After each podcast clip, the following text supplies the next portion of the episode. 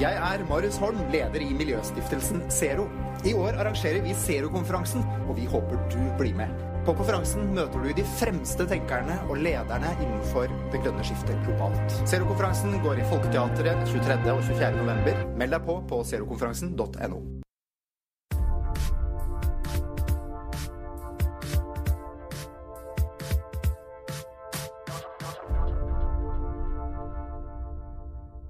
Hjertelig velkommen til Podkraft, i dag i sin helhet viet til grønn konkurransekraft. Som vanlig så har jeg med meg eh, Lars Henrik Borup Mikkelsen i Norsk eh, Klimastiftelse. Velkommen, eh, Lars Henrik. Takk skal du ha. Og Jørgen Gudmundsson fra Sparebanken Vest. Velkommen til deg og Jørgen. Tusen takk.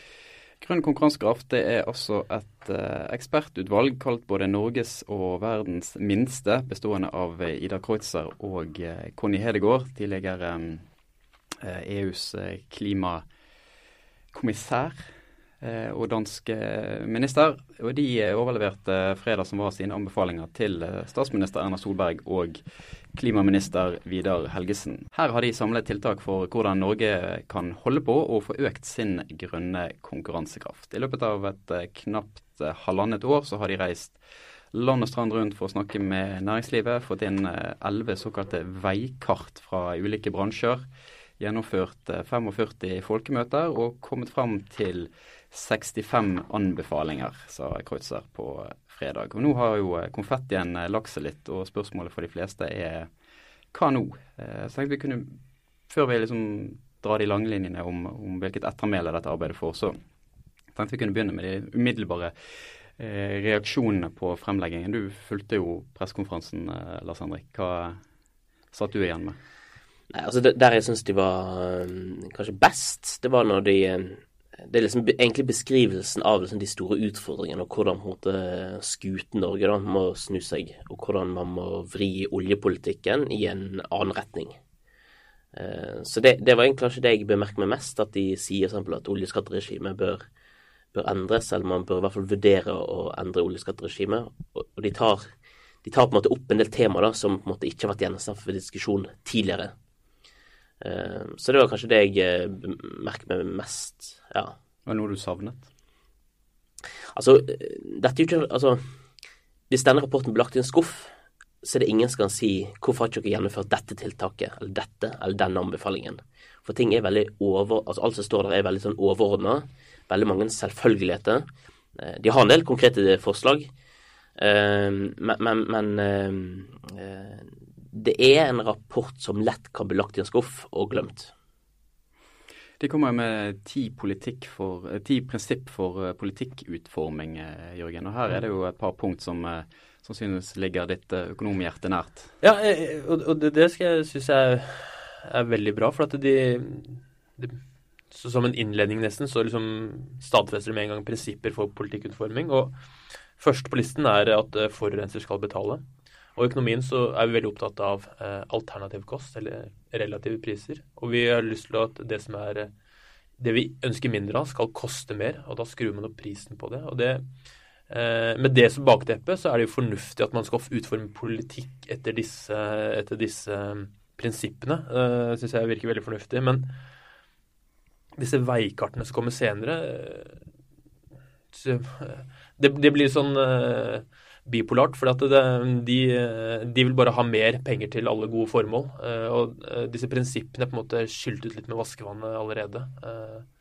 Så hvor trofast man er mot de prinsippene, det håper jeg politiske myndigheter er mer i hvert fall enn disse veikartene. Altså denne, Egentlig så er det, denne rapporten det er jo egentlig en marsjordre til Erna Solberg. Helt på slutten så skriver de faktisk det 'Hva nå?' Veien videre. Og Da skriver de helt avslutningsvis at dette egentlig handler om lederskap fra Erna Solberg, skriver de. Um, så, så, denne rapporten her kan bli veldig bra hvis den som mottar han på virkelig innstilt på å sette den ut i livet. Uh, men så kan han òg uh, altså, altså bli, bli, fullstendig glemt. Og ta f.eks. det prinsippet om forurenser skal betale. Så vil jo en politiker da, som har makt, og som tenker at vi skal ikke endre dagens system, si at jo, men vi har allerede CO2-avgift. Vi har allerede kvote for det meste av utslippene i, i, Norge i dag. Så det har vi på en måte check. Mm. Eh, mens egentlig politiske spørsmålet er jo eh, avgiftsbelegger man utslipp i tilstrekkelig grad i dag, eller gjør man det ikke?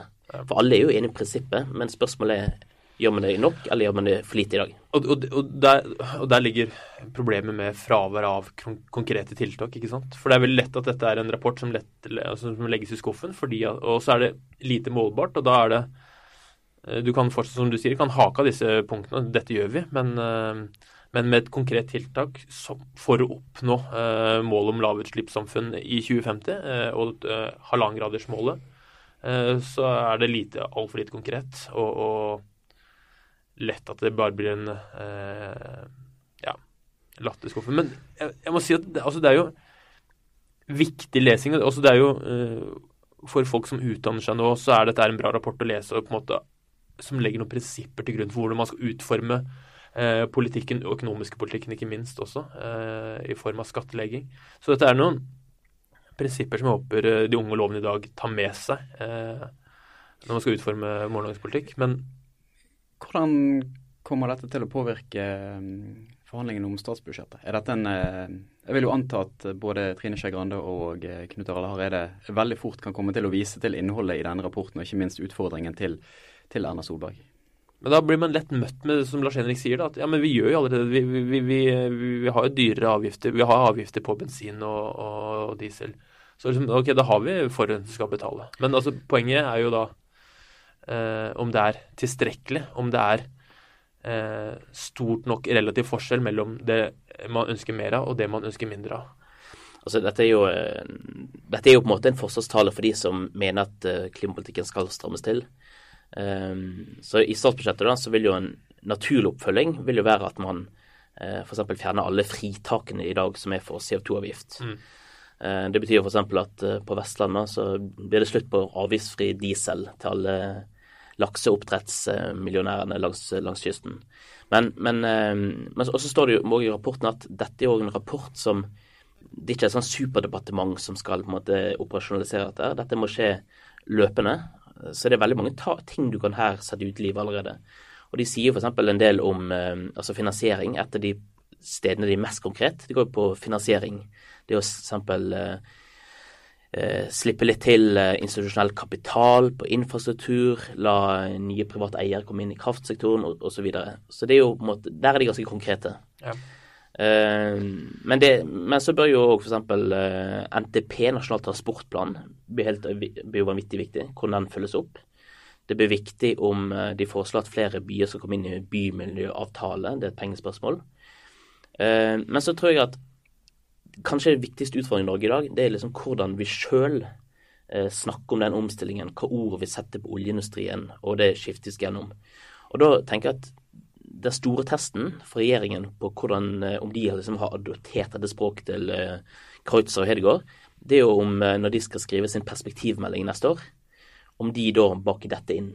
Eller om de gjør som har vært tradisjon til nå, at man skriver på en måte olje- og gassektoren inn i evighetens perspektiv.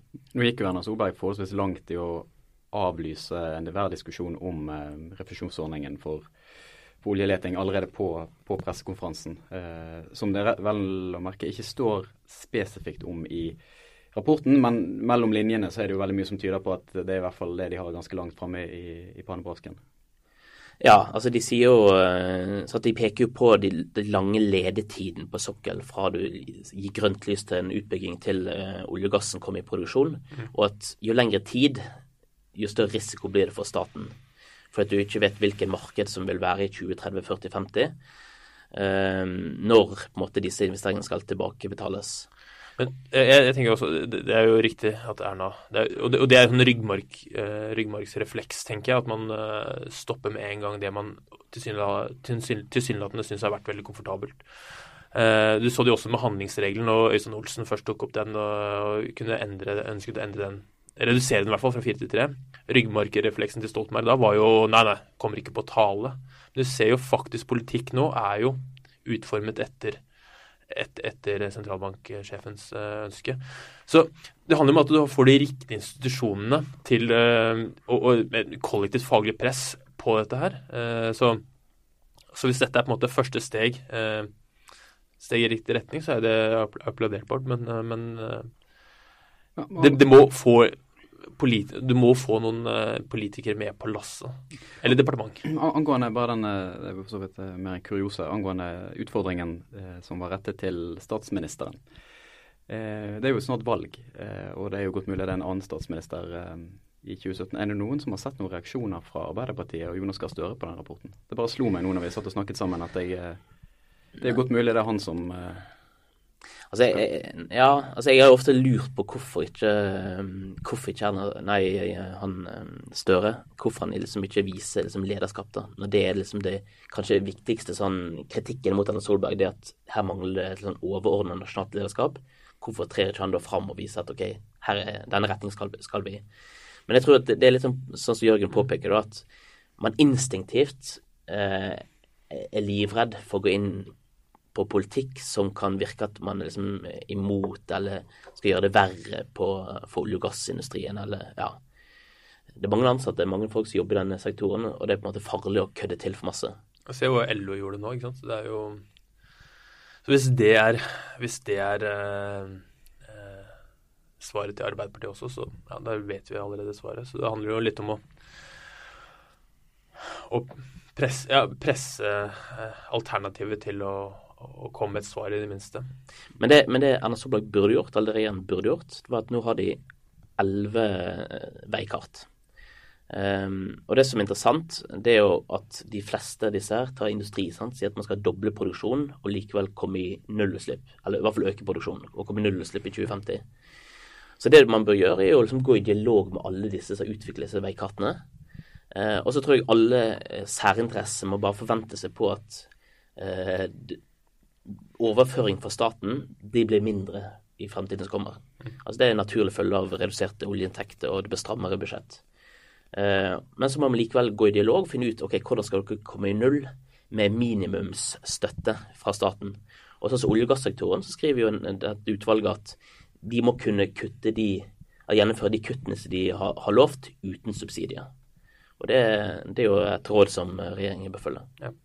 Ja, for eh, Kjetil Alstheim i Dagens Næringsliv skrev en eh, må kunne kalles en litt sånn harselerende kommentar om at uh, disse elleve veikartene besto av elleve særinteresser som alle vil ha mer penger. Mm. Altså, hvordan er det mulig å gjennomføre noe som er teknologi- og næringsnøytralt, altså bransjenøytralt?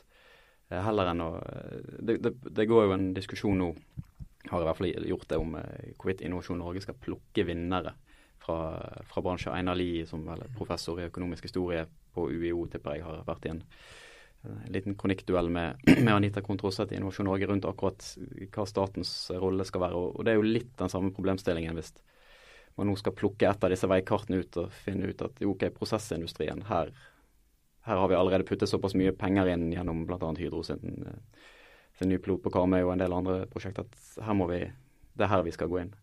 Historisk så har det vist seg som en utrolig dårlig eh, eh løsning.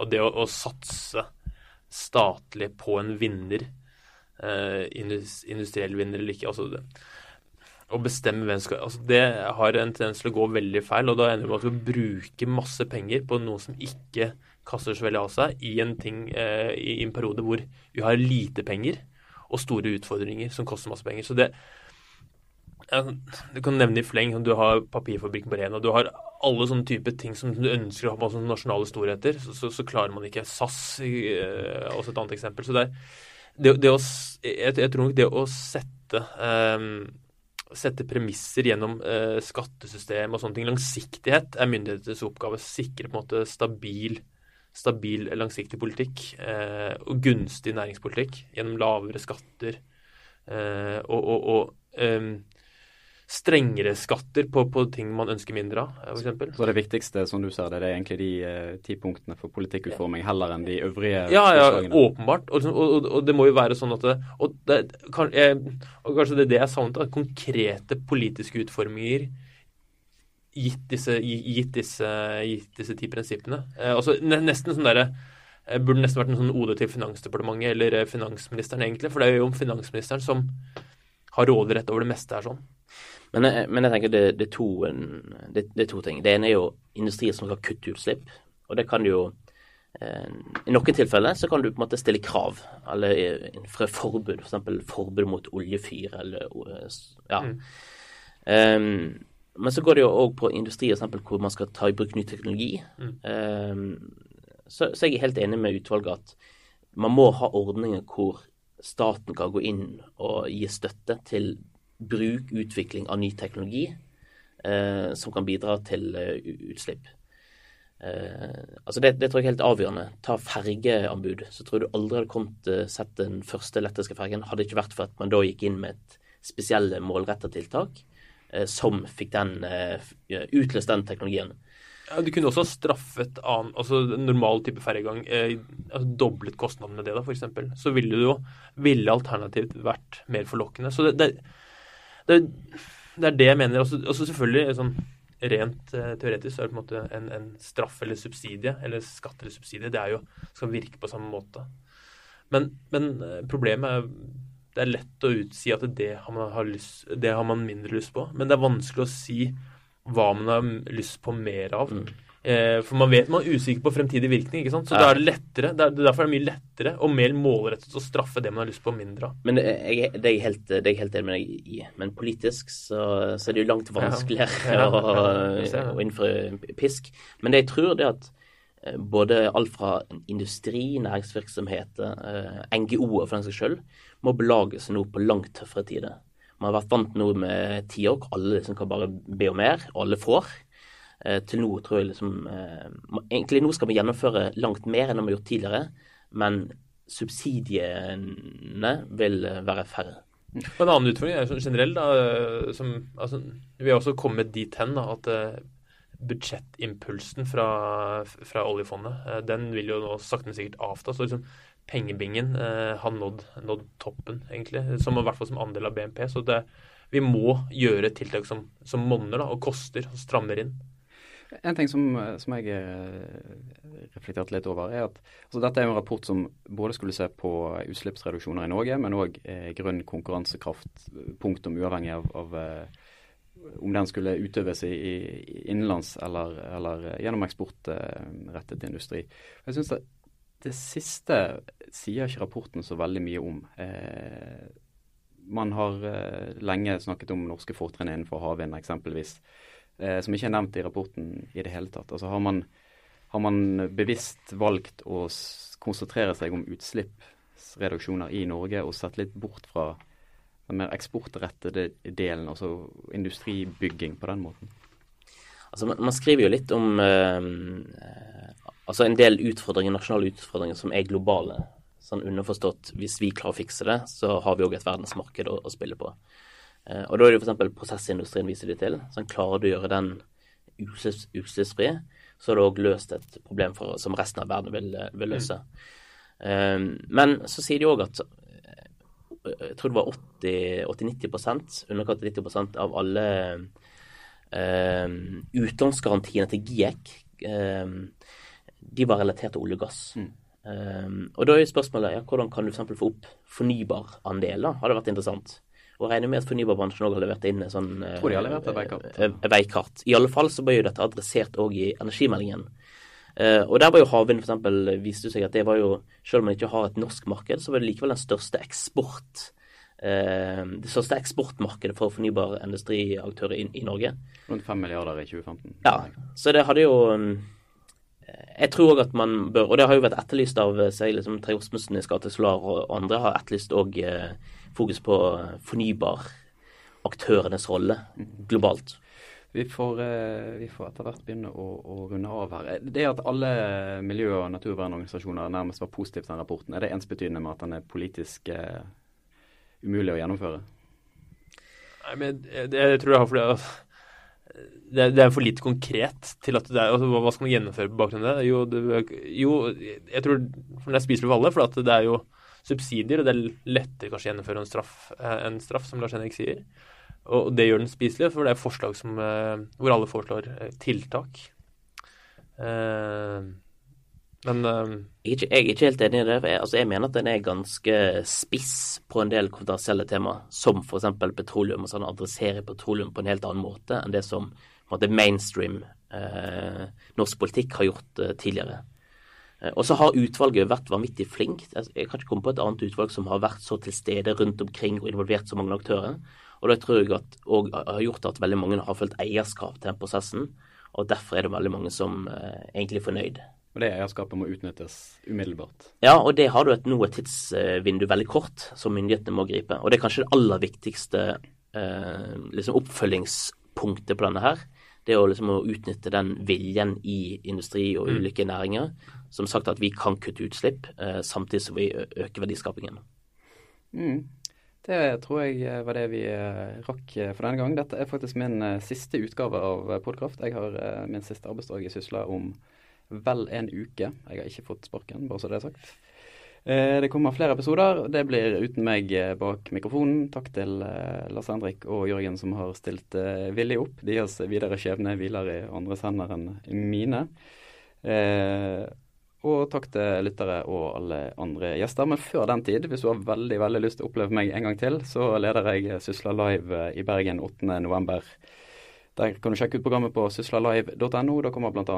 eh, konserndirektør eh, Irene Rummelhoff fra Statoil, som skal forklare både hvorfor de eh, ansetter forretningssyklere på solenergi, og vurderer muligheten for å bygge havvind på Hawaii. Da håper jeg vi høres igjen en gang i det fjerne. Takk for i dag.